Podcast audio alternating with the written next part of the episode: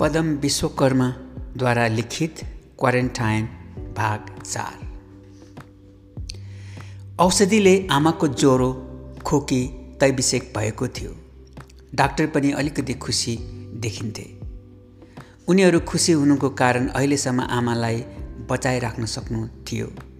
ज्वरो खोकी कम हुनलाई पनि केही सफलता मानिरहेका थिए तर आमालाई सास फेर्ने भने निकै कठिन भइरहेको थियो। निमोनिया हुन सक्ने आशंकाले क्यालिथ्रोमाइसिन दिन सुरु गरेका थिए रे डाक्टरले। सास फेर्न सहयोग होस् भनेर भेन्टिलेटर प्रयोग गरिएको थियो। डाक्टरका अनुसार आमालाई आइसोलेसनमा राखिएको थियो। आमामा प्रतिरक्षा शक्ति निकै कमजोर भएको र लामो समयदेखि दम उच्च रक्तचाप सुगर आदिका कारण पनि भाइरसले सहजै आक्रमण गरेको थियो। डाक्टरले खुलस्त केही भन्न सकेका थिएनन्। उनीहरूले आमाको आशा मारिसकेको अनुमान विनयले गरिसकेको थियो। आमालाई बचाउन प्रयासरत छौँ। चिन्ता नलिनुहोला। डाक्टर यति भनेर हिँडे। डाक्टरको कुरा सुनेर विनयको मुटुले ठाउँ छोड्यो। बाघको मुख एक्कासी कालो निलो भयो। अनुहारभरि हावाहुन्डरी मचियो बादल फैलियो। फैलिएको बादल पानीको थोपा बनेर आँखाबाट चुहियो तप्प तप्प। हत्तपत्त नरुने आँसु नदेखाउने बाको यो अवस्था देखेर ऊ द्रवित भयो। यसरी बा छछल्किएको सायदै जीवनमा पहिलो पटक देखेको थियो उसले। बुढा मान्छे रोएको नसुहाउने रहेछ। विनयले औँला कमाउँदै बाका आँसु पुछिदियो। यता उसको पनि धैर्यताको बाँध फुटिसकेको थियो। आमालाई सम्झेर चोइटिएको थियो।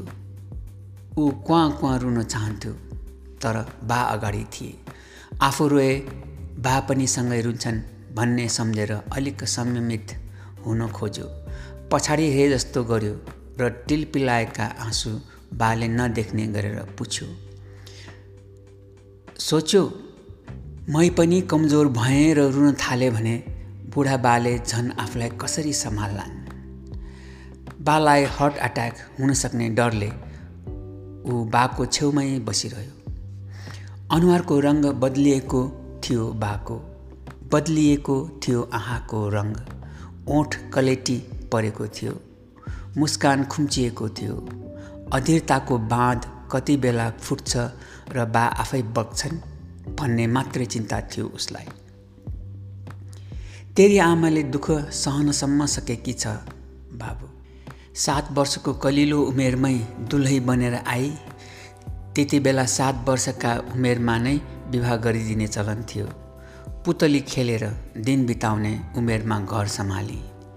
बिचराले जानी नजानी सकि नसकी ढिकी जाँतो गरी पानी पँधेरो गरी घाँसपात मेलपात र घरधन्दा सबै भ्याई। पुतली र भाँडाकुटी खेल्दा खेल्दै पराएको घर भित्रिनु पर्यो। कति अत्याचारी थियो उसको समय। बाको हिक्की हिक्की बढ्यो। विनयकी आमा दुलही बनेर आएपछिका दिन सम्झिँदै भन्न थाले। घरभरिका जहानलाई पकाउनु खुवाउनु तिनको जुठो भाँडो गर्नु उसैको अभिभार थियो। बिहान झिसिमिसे उज्यालोदेखि खटिएकी तेरी आमा राति अबेरसम्म पनि काम गरिरहेकै हुन्थे। टुसुक्क बस्न समेत फुर्सद हुँदैनथ्यो उसलाई। म लाहोर हिँडेपछि त झन् कति मात्रै हन्डर खानु पर्यो त्यसले।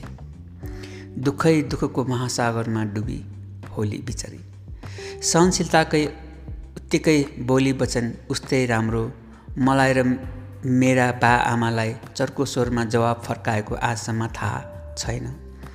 ऊ भित्रिएदेखि नै हाम्रो घरको मुहार फेरिएको हो। न कहिले भोको बस्नु पर्यो न अँध्यारो मुख नै देख्नु पर्यो हामीले। बाको बेली विस्तार सुनेपछि विनयले सोच्यो आमालाई केही तलमाथि भइहाल्यो भने बालाई कति असह्य होला। साठी वर्षसम्म एउटै ओछ्यानमा बितेका रात आफैमा कसरी सम्हालिन सक्लान्?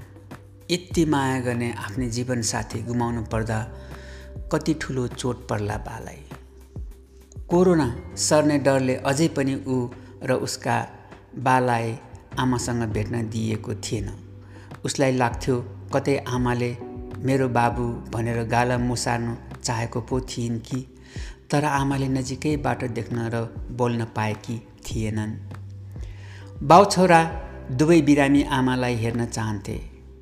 नर्सले फेस टाइमबाट आमालाई देखाइदिइन्। उता आमा फुवा फुवा सास फेर्दै गरेकी जस्ती लाग्थिन्।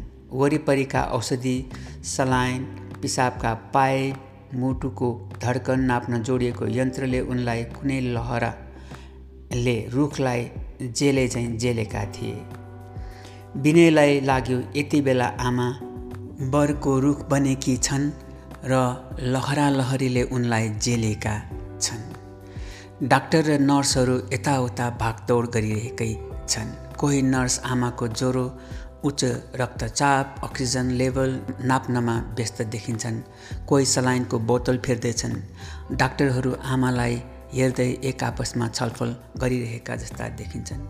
विनयले अनुमान लगायो यी सबै आमालाई बचाउन प्रयासमा जुटिरहेका छन्। एउटी नर्सले आमालाई कोट्याउनु र आइप्याडतिर हेर्न इसारा गरिन्। आमाले पुलुक्क हेरिन् मात्र तर कुनै प्रतिक्रिया दिइनन्। मुखमा मास्क लगाइएको थियो। नाकमा पाइप। आँखाको परेला मात्रै देख्थ्यो विनयले तर आँखा चले नचलेको ठम्म्याउन सकेन। एकैछिनमा आमा चलमलाए जस्तो गरिन्। बाले थकित आँखाले आफ्नी श्रीमतीतिर हेरे। उनको हेराइमा पनि एक खालको खुसी र सन्तुष्टि थियो। झिनो आशाको त्यान्द्रो पलाएको। प्रविधिको विकासले यो सुविधा प्राप्त भएकोमा विनयका बा खुसी भए। हाम्रो पाला त यस्तो के देख्नु पाउँछु र? बाले भने हेर त आमा चलमलाइँदैछ के भन्न खोजे कि होली? कसले सुन्ने? कसले बुझ्ने उसका मनका कुरा? बाको मुखबाट राम राम आवाज निस्कियो। आमालाई अहिलेसम्म अस्पतालका यस्ता प्रविधिका कृत्रिम वस्तुहरू लगाउनु परेका थिएनन्। आमाको इसारा नर्सहरूले बुझ्न सकेनन्।